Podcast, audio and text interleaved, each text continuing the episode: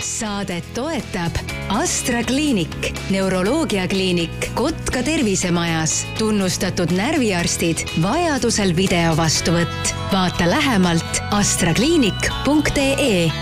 astrakliinik.ee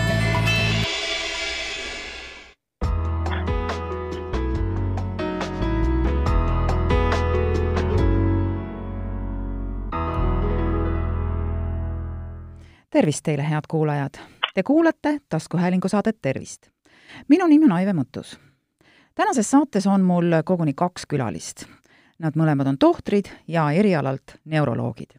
doktor Ulvi Tomson ja doktor Katrin Koss-Paju, tere! tere! nii, ja saate teemaks on meil täna käte suremine alustame sellest, et küsin kõigepealt, millest see tuleb, et mõned inimesed ühtäkki mingil eluperioodil tunnevad, et neil käed surisema hakkavad ja justkui ära surevad? põhjusi käte suremiseks on äh, päris mitmeid, aga, aga kõige sagedasem käte suremise põhjus on karpaalkanali sündroom. umbes viis protsenti inimestest on siis neid, kes elu jooksul äh, kaebavad põhi, põhisümptomina käte suremist ja, ja kellel siis diagnoositaksegi seesama karpaalkanali sündroom et karpaalkanal on teatavasti üks randmepiirkonnas asuv kanal, mis äh, moodustub randmeluudest ja, ja, ja siis äh, sellistest randmesidemetest. Ja, ja siis läbi selle kanali läheb mediaannärv, mis äh, jõuab välja sõrmedeni ja koos selle närviga on seal kanalis ka sõrmede painutajakõõlused ja juhtudel, kui karpaalkanal aheneb seoses sellega, et tekib kas siis mingi, eh, mingi haigus, mis põhjustab ümbritsevate kudede turset, siis see eh, turse eh, surub närvile ja seetõttu hakkab siis patsient kaebama, et tema sõrmed surevad ja, ja siis raskematel juhtudel ka tekivad valud labakäes ja, ja võivad kiirguda need valud ka kõrgemale küünarvarde. et noh, võib-olla natuke ka lähemalt sellest, et, et, et, et mis siis põhjustab seda käte suremist või millised, millised haigused või riskid on, on selleks käte suremise tekkeks. et äh, väga paljudel juhtudel tegelikult äh, on tegemist nõndanimetatud idiopaatilise äh, käte suremise või karpaalkanali sündroomiga, et väga konkreetset põhjust ei, ei olegi võimalik selgitada aga on siis suur hulk selliseid äh, haigusi, mis äh, sekundaarselt võivad põhjustada käte suremist ja karpaalkanali sündroomi teket. et näiteks äh, patsientidel, kellel on kroonilised liigespõletikud, kui on tegemist randmeliigespõletikuga, artriidiga, siis olenevalt tursetekkest võib, võib tekkida surve närvipiirkonda ja võib tekkida käte suremine Äh, siis samuti traumad võivad põhjustada karpaalkanali sündroomi ja käte suremist. Äh, siis rasedus on üks selline seisund, et on leitud, et kuni kuuekümnel protsendil rasedatest esineb raseduse käigus käte suremist, et mis on siis seotud sellega, et raseduse ajal enam retineeritakse Äh, vedelikku organismi, tekib labakäte ja jalgade turse ja, ja siis sellest tulenevalt ka, ka käte, käte suremini. Äh, samuti diabeet, et me teame, et, et suhkruhaigetel esineb väga palju perifeerse närvisüsteemi kahjustust nii kätes kui jalgades tekivad neuropaatiad, aga selle foonil siis väga sageli esineb ka, ka lihtsalt käte suremisega kulgevat haigust ehk karpaalkanali sündroomi. ja sageli on ka nii, et on mitu põhjust, et, et ühel ja samal patsiendil võib olla mitu erinevat põhjust, mis siis seda, seda käte suremist tekitab mille alusel inimene võiks kahtlustama hakata, et tal just eh, see sündroom on? et ja, ja kuidas seda, seda võimalikult vara ära tunda, doktor Katrin Kross-Paju? jaa, aitäh ja tere poolt minu poolt ka. et eh, no kõigepealt jah, et nagu varem juba juttu oli, et see karpaalkanali sündroom on väga tavaline, et arvatakse isegi neljal-viiel protsendil elanikkonnast võib seda aeg-ajalt esineda. Aga jah, et selle karpaalkanali sündroomi korral on väga tüüpiline, et sellesama närvi poolt innerveeritud piirkonnas tekib suremistunne, et see on siis pöial, teine sõrm, kolmas sõrm. Ja see suremistunne väga tüüpiliselt on öösiti, et inimesed ütlevad, et ma ärkan selle peale üles, et mul on käed surnud ja ma pean neid raputama ja siis läheb paremaks, et see on üsna, üsna iseloomulik. Aga võib olla ka nii, et ka sõrmed muutuvad kohmakaks, kui sündroom või kui see karpaalkanali kahjustus üsna kaugele on läinud. Ja aeg-ajalt, kui see, kui ka selle mediaannärvi kahjustus on üsna väljendunud, võib asi piirduda mitte ainult käte suremisega öösiti, vaid võib tekkida valu ja see valu võib olla küünarvarres, õlavarres ja isegi kuni õlani välja, välja kiirguda ja, ja noh, kui liigutustest rääkida, siis kõige rohkem on pöidla funktsioon häiritud, nii et, et eh, ei saa võib-olla kõiki liigutusi teha. Ja, ja kui sündroom on kaua kestnud ja karpaalkanali kahjustus on kaua kestnud, siis ka see väike lihas, mis pöidla alla jääb, et see võib olla kõhnemaks muutunud või ehk siis atrofeerunud. Kas see tähendab ka seda, ja vabandust, ma ta-, ma küsin vahele, kas see tähendab ka seda, et näiteks asjad võivad käest hakata maha kukkuma? Ja see ei ole väga iseloomulik, et pigem on ikkagi nii, et käsi on tuim, sureb ja noh mm -hmm., sõrm või see pöial on siis nagu kohmakas. ja, ja see tegelikult ei ole keeruline diagnoos, et seda on ka mitut, mitmes uuringus vaadatud, et näiteks ka perearsti diagnoos on piisavalt täpne, et ei pea olema mingi veel spetsialisti või spetsialist ühelt poolt ja teiselt poolt on Jaapanis näiteks välja töötatud ka nutitelefoni äpp,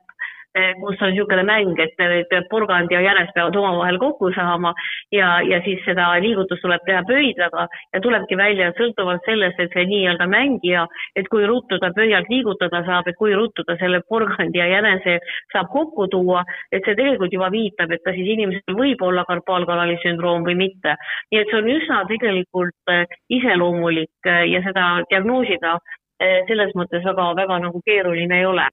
aga kas see on ka seotud sellega või kas võib olla seotud sellega, kuidas me oma käsi iga päev kasutame, no näiteks olen raske füüsilise töö tegija või siis vastupidi, töötan arvutiga kogu aeg? doktor Ulvi Tomson. Eh, jah, et tõepoolest tegelikult on andmeid selle kohta, et need sellised tegevused, kus on vajalikud korduvad liigutused, mille käigus siis painutatakse kätte randmest, et need võivad soodustada käte suremise teket et nendel korduvatel liigutustel võib äh, tekkida turse ja siis kõõluste põletik, et need kõõlused paksenevad ja, ja äh, põhjustavad siis survet sellele närvile, mis koos kõõlustega seal karpaalkanalis on ja, ja, ja patsient kardabki seda kätesuremist äh, enam et need tegevused võivad olla teatud professionaalsed tegevused, et näiteks õmblejad või koristajad või siis pakkijad, aga ka arvutihiire kasutamisel või arvutiga trükkimisel, et kui me teeme seda sageli, siis teatud määral võib ikkagi soodustada käte, käte suremise teket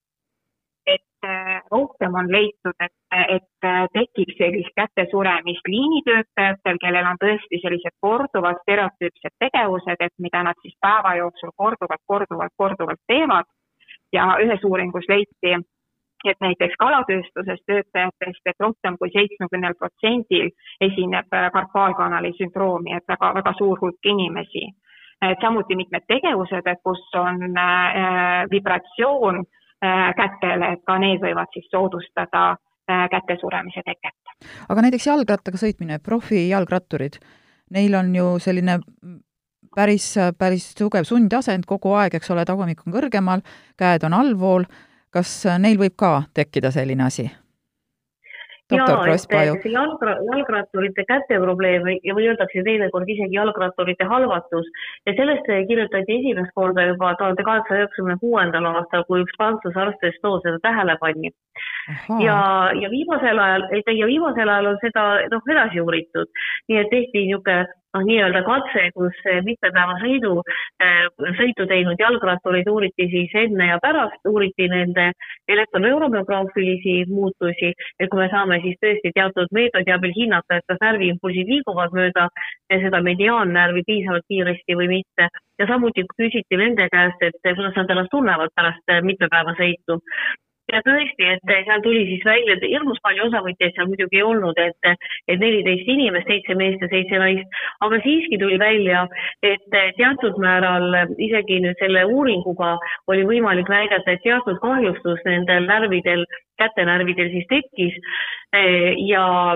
aga kui nad vaatasid täpsemalt, et mis piirkonnas see kahjustus tekkis, et siiski nad jäid arvamusele, et see juhtrauas või leistangis kinni hoidmine otseselt ei põhjustanud seda käte niisugust suremistunnet ja arvatakse ka, et tõesti, et kindlad ja see pehmendusega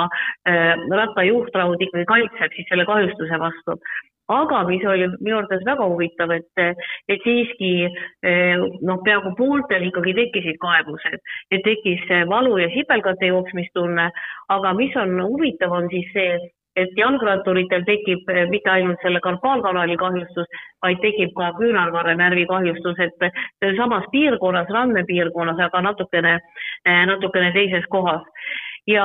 ja kui edasi vaadata neid profirattureid, millele nüüd eriti veel tähelepanu pöörata et tõesti, et on mingi niisugune uuring, et kus on näidatud, et kui need profiratturid läbisid seal kuussada kilomeetrit või rohkem mitmepäevase sõiduga, peaaegu üheksakümne kahel protsendil olid käte poolt kaebused.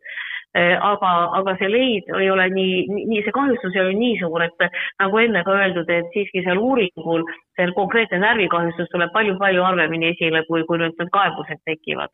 mm. -hmm no igatahes väga huvitav. aga te mainisite ka juba mehi ja naisi ja minu järgmine küsimus ongi äh, meeste ja naiste kohta. et äh, doktor Ulfi Tomson, kas äh, on mingit vahet, keda see haigus sagedamini tabab, mehi või naisi, ja kas vanus on ka oluline? Naisi tabab see haigus oluliselt sagedamini, ligi kolm korda rohkem on naisi kätesurejate seas, et et mis see põhjus on, arvatakse, et võimalik, et see on seotud sellega, et naistel on karpaalkanal anatoomiliselt kitsam kui meestel ja, ja seoses sellega siis surve närvile tekib seal kergemini kui meestel aga nagu me juba rääkisime, et raseduse ajal tekib väga paljudel karpaalkanali sündroom Äh, ja, ja ka tegelikult menopausis, et kui tekivad siis sellised hormonaalsed muutused organismis, siis see tegelikult soodustab naisterahvastel karpaalkanali sündroomi ja käte suremise tek-, teket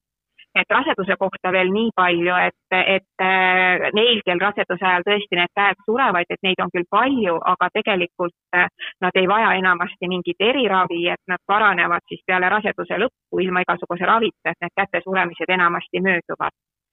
Äh, vanuse osas nii palju, et kõige sagedamini on käte suremist vanuses alates neljakümne viiendast eluaastast ja äh, kuni kuuekümnenda eluaastani. Äh, noortel oluliselt vähem, et, et alla kolmekümne aastastel siis umbes kümme, kümme protsenti on siis kõikidest kätesurejatest patsientidest alla kolmekümne aastasi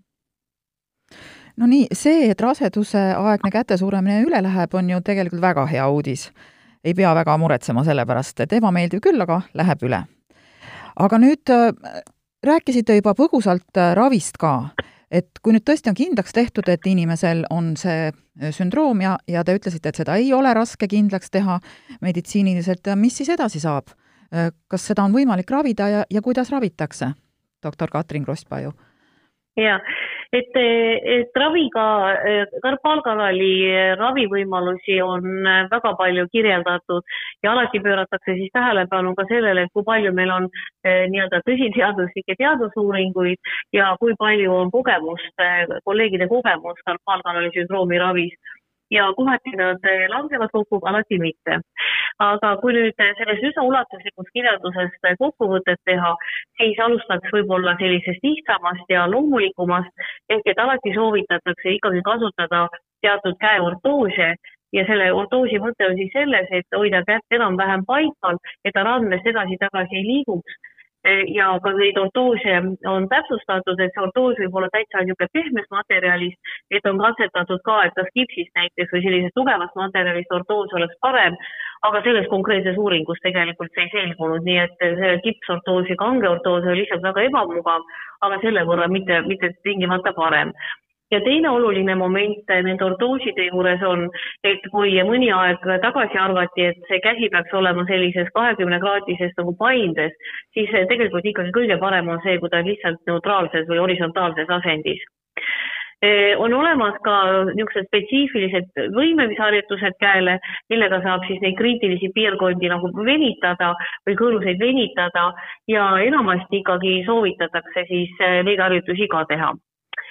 siis järgmine ravigrupp on, on karpaalkanali blokaadid. blokaade tehakse siis muidugi, eks ju, süstlajanõelaga, et see on nagu tegelikult tavaline süst ja on uuritud ka, et kui täpselt seda süsti peaks ristima, aga tuleb välja, et kas me tõesti püüame ülitäpselt ultraheli abil seda süsti teha või teeme lihtsalt noh, nii nagu me oleme alati teinud kogemuse järgi, siis tegelikult efektiivsusel vahet ei ole, et, et ei pea tegelikult ka neid karpaalkanali blokaade ultraheli all tegema. Ja samamoodi on üsna palju uuringuid tehtud selle kohta, et millega seda karpaalkanali blokaadi teha, et ajalooliselt me oleme alati teinud Eh, kohaliku, kohaliku tuimestuse eh, ravimiga eh, ja mingi hormooniga, aga nüüd tuleb järjest andmeid selle kohta, et tingimata see hormoon ei pea olema üks koostisosa ja on pööratud tähelepanu ka sellele, et võimalik, et ka suurem kogus seda süstitavat lahust, et see võib olla kokkuvõtlikult efektiivsem kui, kui näiteks hormooniga tehtud väiksem, väiksem hulk seda süstitavat lahust noh, põhimõtteliselt, kui karpaalkanali sündroom on väga raske, kindlasti tuleb kõne alla ka operatsioon ja selle operatsiooni muud mõtet ei ole kui see, et lihtsalt mehaaniliselt vabastatakse see mediaannärv, eh, mille surve tõttu kõik need sümptomid tekkinud on ja päris alguses oli juttu ka sellest, et suhkruhaigus on riskifaktoriks sellele, et karpaalkanali sündroom üldse tekib, aga kahjuks suhkruhaigus mõjutab ka meie raviprotsesse. Nimelt suhkruhaigusega opereeritud patsientidel on paranemine halvem kui ilma suhkruhaiguseta ja kahjuks on ka igasuguste tüsistuste risk operatsiooni järgselt nendel suurem. nii et kui inimesel on karpaalkanali sündroom, mis on palju tavalisem diabeedi korral, siis üldiselt ollakse väga-väga ettevaatlikud noh, selle soovitusega, et, et see kirurgiliselt siis vabastada eh, karpaalkanal või mediaannärv ja veel kord lihtsalt kõigile siis rõhutamaks, et, kuna see karpaalkanali sündroom, kätesuremine on üsna tavalised tegelikult raseduse ajal, siis veel kord kõigile julgustuseks, et midagi eriti ei pea ette võtma, et kui laps ära sünnib, et lähevad käed ka korda. siis on kaks rõõmu korraga nii, aga äh, viimane küsimus. no üldiselt saame me ju oma tervise heaks üsna palju ära teha, kas selle sündroomi või haiguse puhul on ka võimalik äh, midagi teha, on seda võimalik kuidagi ennetada või vältida? Et äh, sellega on natuke keeruline, et tegelikult on küll soovitatud äh, noh, teha teatud venitusharjutusi ja, ja, ja nendel inimestel, kellel käte suremine on siis äh, seotud teatud professionaalsete tegevustega, oma, oma tegevustes te, teha sagedasemaid puhkepause ja jälgida käteasendit, et see randmepiirkond oleks vähem koormatud, aga, aga samas, kui on tehtud selliseid äh, põhjalikumaid uuringuid, siis äh, tegelikult ei ole ühemõtteliselt tõestatud, et äh, töökoha muutus näiteks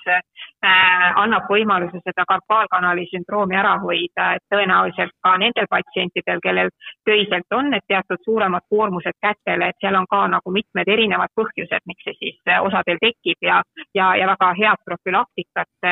kahjuks, kahjuks meil ei ole pakkuda no jaa, profülaktikat ei ole, aga tegelikult äh, ravi on siiski ju olemas ja nagu me mitu korda kuulsime, mõnede äh, seisundite puhul läheb see haigus ise üle ka. nii, kas teil on, äh, tohtrid, saate lõpetuseks kuulajatele veel midagi toredat öelda selle haiguse kohta? et võib-olla lihtsalt nii palju, et julgustaks, et et,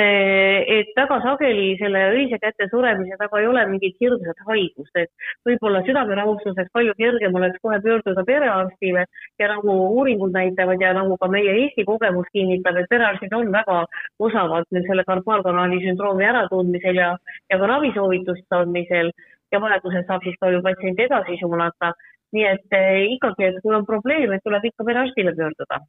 ja ma arvan, et paljud saavad abi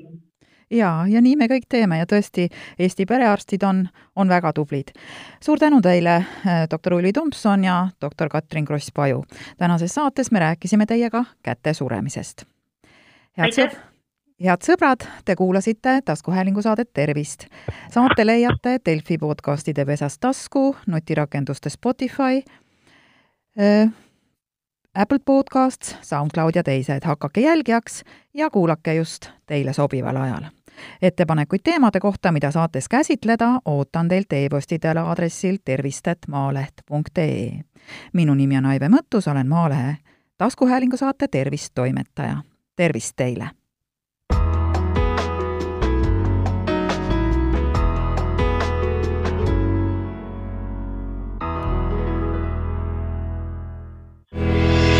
saadet toetab Astra kliinik, neuroloogiakliinik Kotka tervisemajas, tunnustatud närviarstid, vajadusel video vastuvõtt. vaata lähemalt astrakliinik.ee.